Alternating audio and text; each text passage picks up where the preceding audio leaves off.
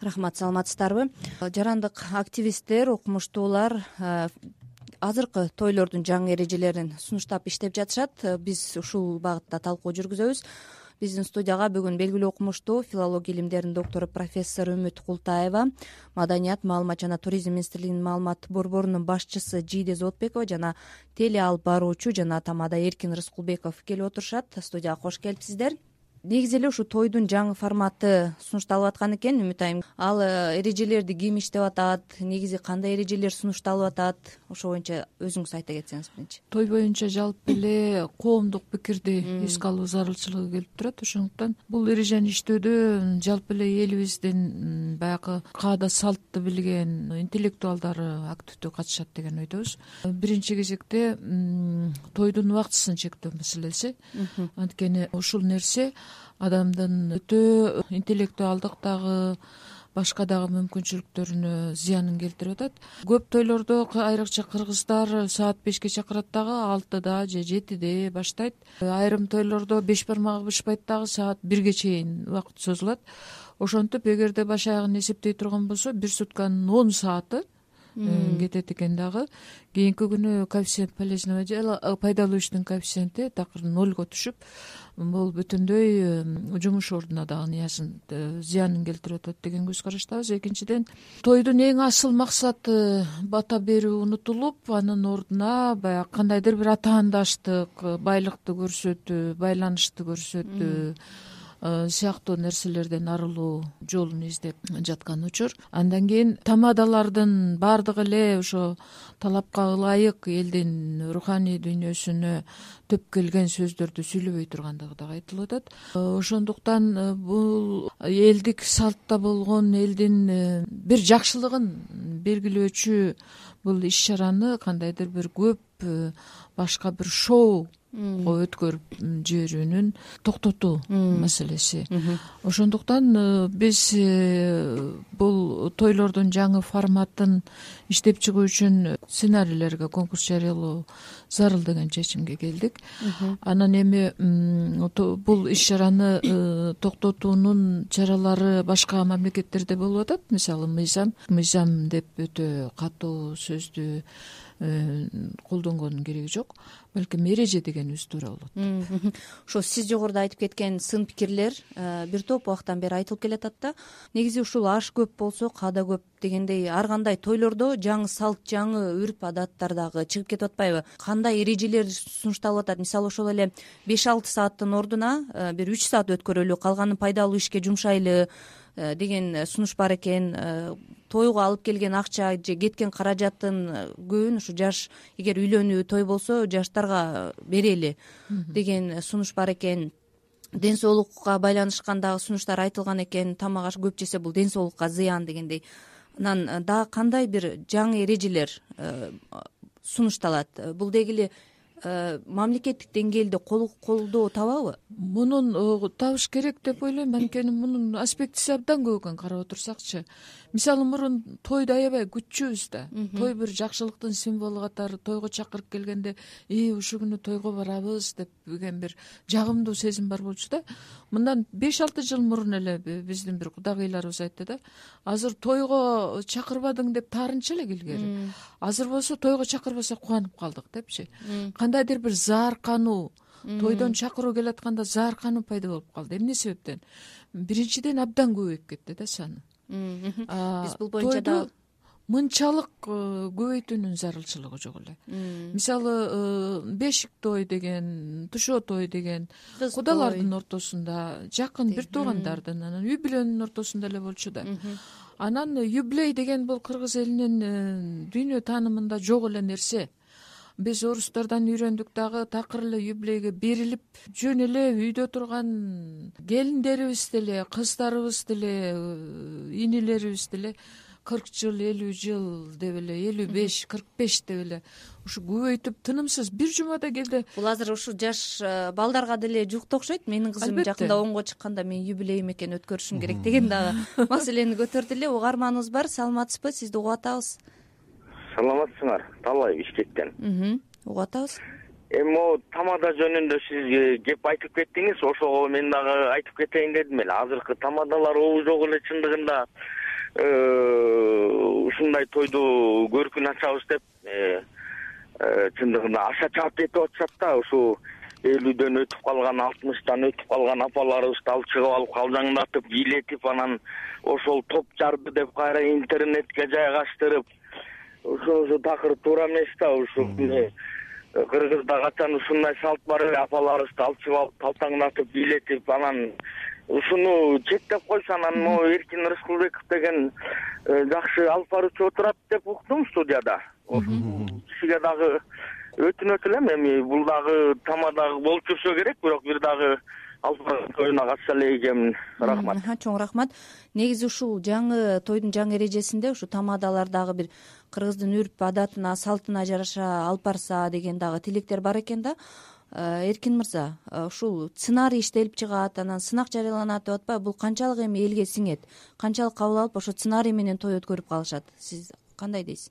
Саламатсыздарбы? Үмүт эже саламатсызбы? Сиз менен бир студияда отурганыма кубанычтамын бирок ал менен бирге көп пикирлериңизге дагы макул боло албайм себеби менин пикирим боюнча кайдан кулак чыгарса казанчын өз эрки анан кыргыз деген бир жылда бир чачылам деп бир жылда бир меймандарымды чогултам өзүмдүн жыйнаганымды чачам деп той берет.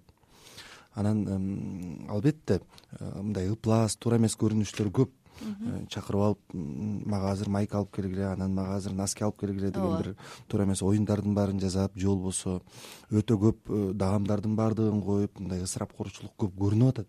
Бирок мунун баардыгы э, бир үстү жактан басынтуу менен эмес эволюциялык жол менен оңдолуш керек деп ойлойм да. Кандай жолду сунуштайт элеңиз мисалы? Кантип? мен мен ойлойм бир төрт беш жылдын ичинде убакыт өзү акырындап оңдоп кетет окшойт себеби. Мисалы үчүн мындан үч төрт жыл мурун чет мамлекеттен э, ырчыларды чакыруу мисалы үчүн э, мен алып барган тойлордо жана дүйнөлүк белгилүү аттабан бонием батырхан шукенов авраам руссо жана башка деген ырчылардын баардыгын көрүп калдым да тойлордончу. Бул эки үч жыл мурун өтө популярдуу болуп кеткен аябай бир жогорку деңгээлге жетип бир орусча айтканда пикке жеткенбиз да. Бирок азыр акырындап кайрадан кыскарып баратабыз азыр беш жүз төрт жүз кишилик тойлор деген азайып баратат. Мына ресторандардын көбү мурунку э, отуруштарын үч жүз элүү төрт жүзгө ылайыктап келсе бүгүнкү күндөн акырындап эки жүзгө кыскартып залдарды кичирейтип атат. Бул дегенибиз той өзү эволюциялык жол менен кыскарып келатат дегенден кабар берет да. Мисалы үчүн бизде жумгалда илгери мындай эле. Адам баласы кайтыш болгондо боз үйгө ошол апанын же атанын кийимдерин илип койчу да жакшы билет да. Кийип илип койчу дагы анан келген кишилер да ошо кийимдерди алып келип иле эле. Бирок инсандар ошол салттын өзү э, кереги жок экенин түшүнүп туура эмес экенин түшүнүп акырындап акырындап чектеп кетишти да өздөрү чектеп кетишти. Аны мыйзам менен эч ким токтоткон жок. Мына той дагы э, тамактардын көп берилиши дагы убакыттын узун болушу дагы менин оюмча акырындап адамдардын өзүнүн аң сезимине келип акырындап э, кыскарышы ыктымал.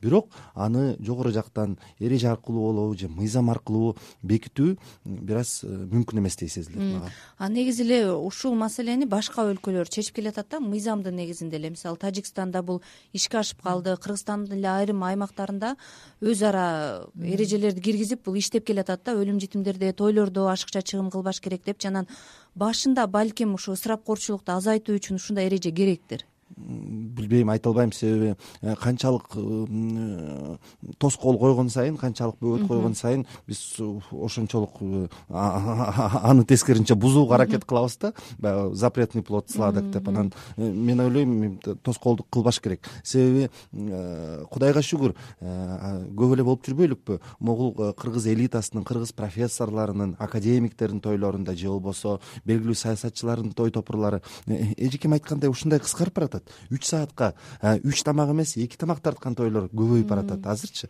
той негизи ушундай нукка өзү акырындап бурулуп баратат. Бирок бул өзү менен өзү келе турган иш. Бизде угарманыбыз бар. Саламатсызбы? Алло саламатсыңар анара дауталиева. Угуп атабыз. Мен ойлоп атам эң жакшы ошондой эрежени иштеп анан эл өзү тандайт да действительно тойго барганда уже жададың баягы эле бир сценарий баягы эле тамак баягы эле эме бир мындай эме жокса барып эс алып анан Э, баягы кыргыздын салты бар да чакырсаң барасың кандай кошумчаң бар. Анан мен ойлоп атам ушуну иштеп анан өзү эл эметет мен колдойм мындай эл ырааза болот да. А мындай иштеп эметсе элибиз жакшы да. Бир жакшы нерсени эметсе э, улаштырып анан ишке киргизет да э, мен колдойм. Чоң рахмат. Жакшы аябай чоң рахмат. Негизи эле азыр көп эле эл тойдон тажап калды окшойт үмүтайым сиз айткандай маданият министрлиги дагы ушундай демилгелерди айтып келатат да. Мисалы министр султан жумагулов буга чейин дагы баягы кытайдын калпактарын чепкенин жапкандан көрө ушу элди агартуучу китеп же ушундай пайдалуу белек берүү чепкен жапканды токтотолу дегендей анан тойдун эрежесине келгенде министрлик кандай колдойбу эмне кылат саламатсыздарбы урматтуу угармандар коноктор саламатсыздарбы? Бул ар бир адамдын алдыга койгон максаты болгондо ал кандайдыр бир ийгиликке жете алат экен. Ал эми маданият маалымат жана туризм министрлигинин дагы алдыга койгон максаттарынын бирден бир максаты мына ушул деп айткыбыз келет.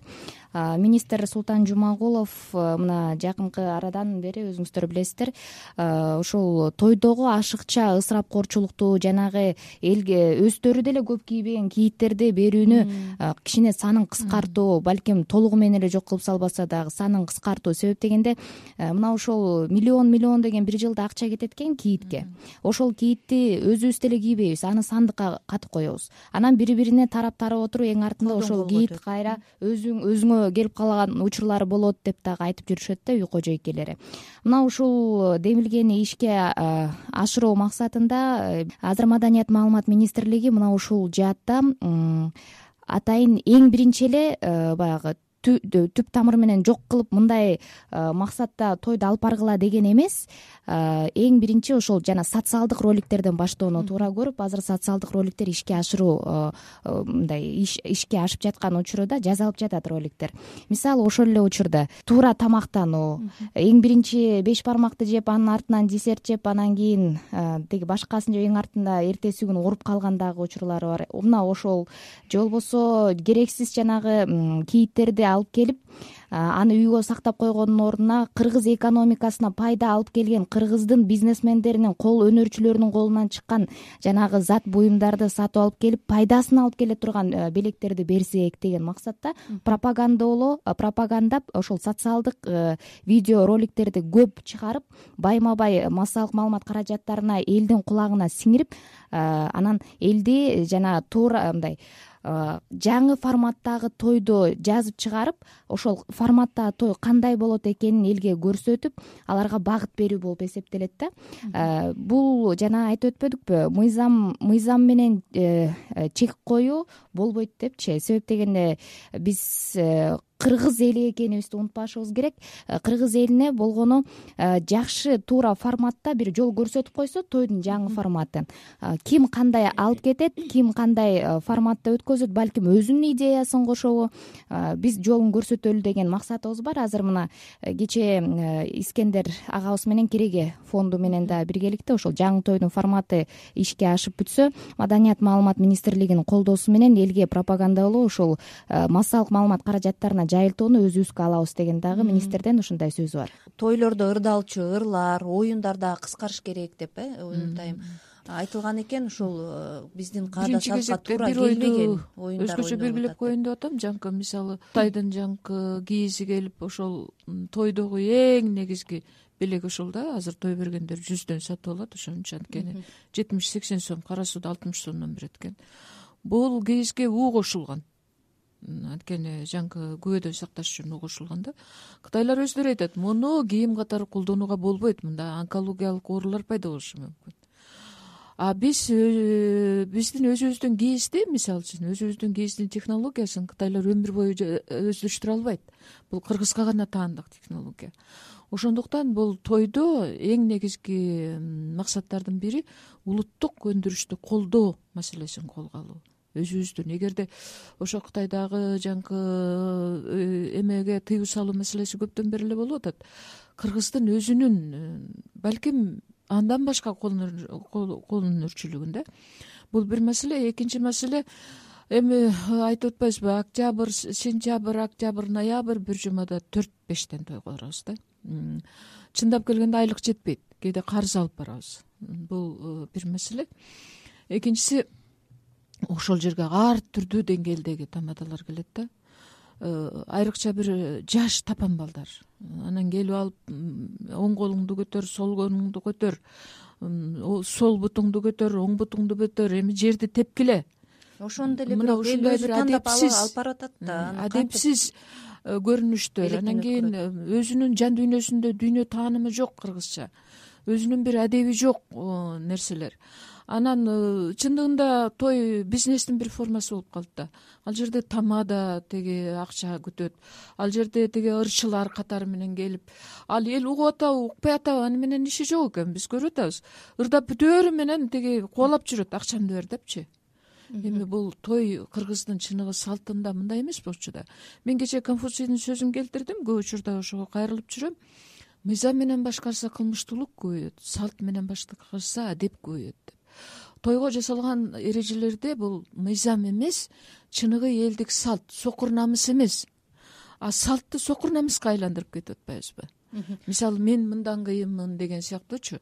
Бул эрежелерде чыныгы элдин накта э, салтында кандай эле? Тойдун миссиясы кандай болуш керек эле? Тойдун максаты кандай болуш керек эле? Албетте тойду токтотоюн деген эч кимдин ою жок. Ал кесир болот кыргызда тойду өзүнүн мазмуну менен өзүнүн мааниси менен өзүнүн орду менен берүү маселеси да бирок ушул ошол эле эрежелерде баягы жайылтып төрт беш түрлөп тамак койгондун ордуна ошо швед столун эле пайдалануу сунушу дагы айтылган экен. Эркин мырза айтып кеткендей ошол азыр ар кандай кыскартууларга эл өзү барып атат деп атпайлыбы анан Э, кээде ошо туятта ушунун ордуна бир пайдалуу бирөөгө кайрымдуулук кылса болмок экен деп мынтип ичиңер ачышып калган учур болобу? Тойду алып барып аткан учурда. Андай учурлар дагы болот чын айтсам андай учурлар дагы болот. Тескерисинче мындан көбүрөөк меймандар чакырса деле болмок экен деген деле учурлар болот. Эми ар кандай. Бирок мен мен каршы эмесмин. Мейли өзгөрсүн. Мен ошого кубанар элем аябай. Мисалы үчүн акыркы убактарда мени кубанткан бир нерсе той топурларда алкоголь ичимдик азыраак ичилип калды. Тойлордо өтө мынтип ылжып мас болгон жарандарыбызды деле көрбөй калдык. Бул деле жакшы нерсе. Бирок бул өзү менен өзү оңолуп келаткан нерселер да. Бирок мен ойлойм тойдон тажап калдык деген сөз өзү кесир. Ошентип айтуубуз туура эмес. Себеби тойдон тажап калдык деп э, айта берсек жараткан бир э, жаман апааттарын жөнөтпөсүн бизге. Эки жолу тойдон тажап калдык деп жүрүп анан кийин моундай бир чоң революциялар болгондо оштогу коогалаңдар болгондо мен иштеп калдым элем. Э, тойду самап калганбыз тойду күтүп калганбыз той эле болсунчу деп эми анан бирок министрликтин жийде жанагындай нерселер эрежелерин иштеп чыкканы мага өзү түшүнүксүз болуп атат. Себеби мен муну министрликтин э, эгер э, мыйзам мыйзам иретинде кирсе анда бул менин жеке жашоомо кийлигишүү деп чечем мен ошону менин жеке жашоомо менин чөнтөгүмө кол салуусу деп баалайм. Эгер мыйзам иретинде иштелип чыкса. Жок эгер жөн эле пропаганда десе анда мен эки колдоп колдойм бул нерсени. Мунун дагы бир чегин билишибиз керек да. Эркин мырза азыр эле мен айтып кеттим эле сөздүн башында. Мыйзам чегинде эмес элге жол көрсөтүү. Ал эми ким кандай тандайт аны эл өзү чечет дегендечи мына ушул нерсени баса белгилеп айтып кетели андан тышкары жана швед стол дебедикпи бул дагы султан жумагулов мына ушул боюнча дагы айтып жүрөт. Кыргызда беш жүз алты жүз адам отурат анан кийин алып келген тамакты жейт анан э, ошонун ичинен дагы кээ бир адамдарга жакпай калат мага мындай э, сөөк берип койду анан кийин мага мындай десерт берип койду деп. Ошонун ордуна кадимкидей эле э, ошол жанагы ысырап ашыкча ысырапкорчулуктун ордуна тамактарды коюп ким каалашынча жесин ошондо таарыныч дагы жок болот. Анан кийин кичине ары бери басып бири бири менен таанышат дегендейчи. Бирок мына ушул жерде кыргыздын улуттук тамагы болгон беш бармакты сөзсүз түрдө кошуу керек деген дагы пикири бар да. Эми ушул нерсени эске алыш керек. Анан э, ушул идеяларды айтып атканда кээ бир э, радио угармандар болобу же болбосо ушундай конокторго коноктор менен бирге отурганда айтышат бир күндө эле өзгөрүп кетмек беле депчи мен ушул нерсени баса белгилеп айтып кетейинчи.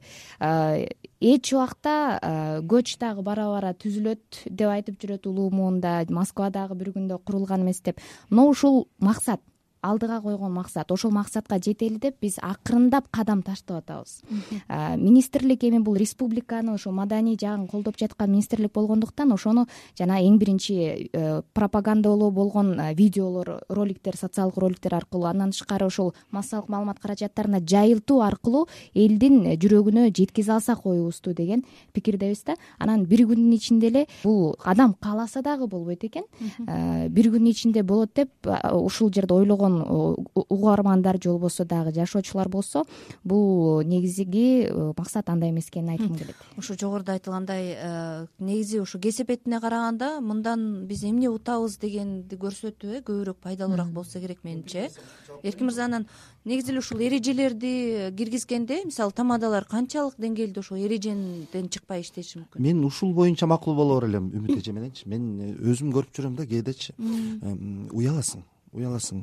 Келген э, э, кээ бир өнөрпоздордун сүйлөгөн сөздөрүнөн ырдаган ырларынан ушул жактан балким бир бир мамлекеттик түрдө лицензия берүү керекпи атайын бир документ иштеп чыгуу керекпи ошол э, көркөм кеңеши иштеш керекпи. Билбейм бир өзүнүн технологияларын иштеп чыгыш керек да. Бирок ошол баскычтардан өтүп ошол сынактардан өткөн инсан тойдун жарчысы болуп тойдун алып баруучусу болуп же тойго элдин жакшылыгына чыгып кызмат өтөй алат деген уруксатты алгандан кийин чыкса ал да жакшы себеби быйыл күзүндө бир э, чуу болбодубу жана патенттерди текшерип. Ооба. Бул салык төлөө боюнча. Көрсө иштейт экен да. Көрсө патенттерди текшерип келсе баардыгы документ алат экен да. Ошол сыяктуу эле бирок мындай бир руханий көркөм жагынан дагы э, багыттай турган кеңеш болсо ал жагына мен эки колдоп кошулам. Э, үмүт айым эми сценарий иштеп чыгуу колго алынып атат э? Ушул эле жарандык активисттер тарабынан. Бул качан эми Э, сценарийдин алгачкысын көрө алабыз. биз дагы он күндөн кийин жолуга турган болдук. Кээге э, кеңеш фонду мененчи ошол жерге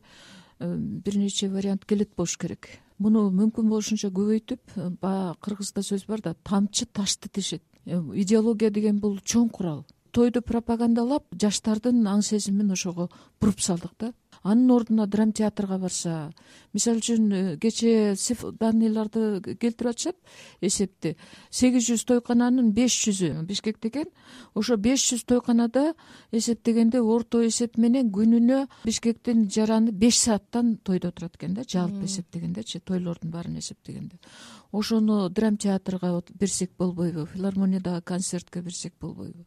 Айтыштар манас айтууну уксак болбойбу. Балдарды ошол жака багыттасак болбойбу. Биз болсо тиги өндүрүш жок. Элибиз кедей мына кечээки рейтингде өзбекстандан тажикстандан артта калыптырбыз коррупция боюнча биринчи орунда экенбиз алардын алдында экенбиз. Өзбекстан кырк жети болсо биз э, тетиги жүздөн ары өтүп кетиптирбиз мына ушунун баардыгы жанакындай э, идеологиянын туура эмес жака бурулуп кеткенинде болуп атат да. балким жана жогоруда айтылган сценарийде э, ошо элди руханий жактан байытуучу бир э, сценалар коюлат ушундай бир жагдайлар кирип калышы мүмкүн да. Албетте жанакы тойдун эрежелеринде сөзсүз ошо мыкты алып баруучулар мыкты артисттер элдин рухуна таасир эте турган элдин жан дүйнөсүн байыта турган. Чоң рахмат. Негизи э, эркин айткандай э, жаманчылыктан көрө той болуп турсун бирок ошол э, ашыкча ысырапкорчулук эмес эбичен менен деп коет го. Ошондой болгон жакшы. Биз талкуубузду ушуну менен жыйынтыктайлы талкууга окумуштуу филология илимдеринин доктору профессор үмүт култаева маданият маалымат жана туризм министрлигинин маалымат борборунун катчысы жийде зоотбекова жана теле алып баруучу эркин рыскулбеков катышты. Талкууну мен канымгүл элкеева алып бардым. Кийинки берүүлөрдөн угушканча саламатта туруңуздар